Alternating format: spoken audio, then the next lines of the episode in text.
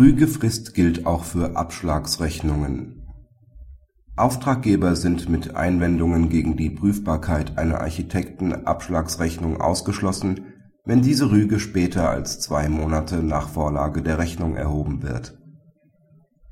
Mit Rechnung vom 11.12.2006 stellt der im vorliegenden Fall klagende Architekt insgesamt 118.366,96 Euro für erbrachte Architektenleistungen in Rechnung. Die Beklagte wendet hiergegen unter anderem ein, dass die vorgelegte Rechnung nicht prüffähig ist. Wann die Beklagte diesen Einwand erstmals erhoben hat, ist streitig.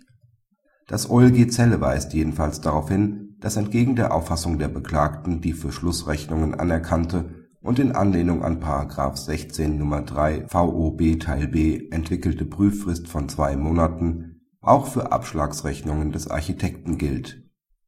Für die vorliegende Entscheidung war dieser Umstand jedoch unerheblich, da die Rechnung des Architekten nach Auffassung des Gerichts tatsächlich prüffähig ist.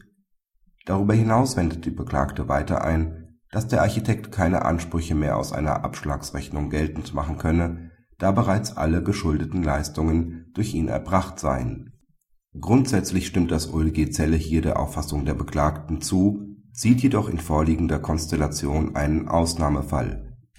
Zur Erstellung einer Schlussrechnung fehlen dem Architekten maßgebliche Daten Deshalb ist der Architekt, obwohl sämtliche Leistungen vollständig erbracht sind, berechtigt, unter Zugrundelegung der letzten von ihm vorgenommenen Kostenermittlung eine Abschlagsforderung zu verlangen.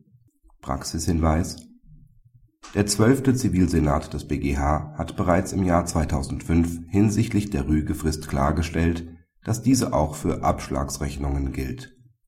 Noch nicht entschieden wurde diese Rechtsfrage durch den für das Baurecht zuständigen Siebten Zivilsenat des BGH.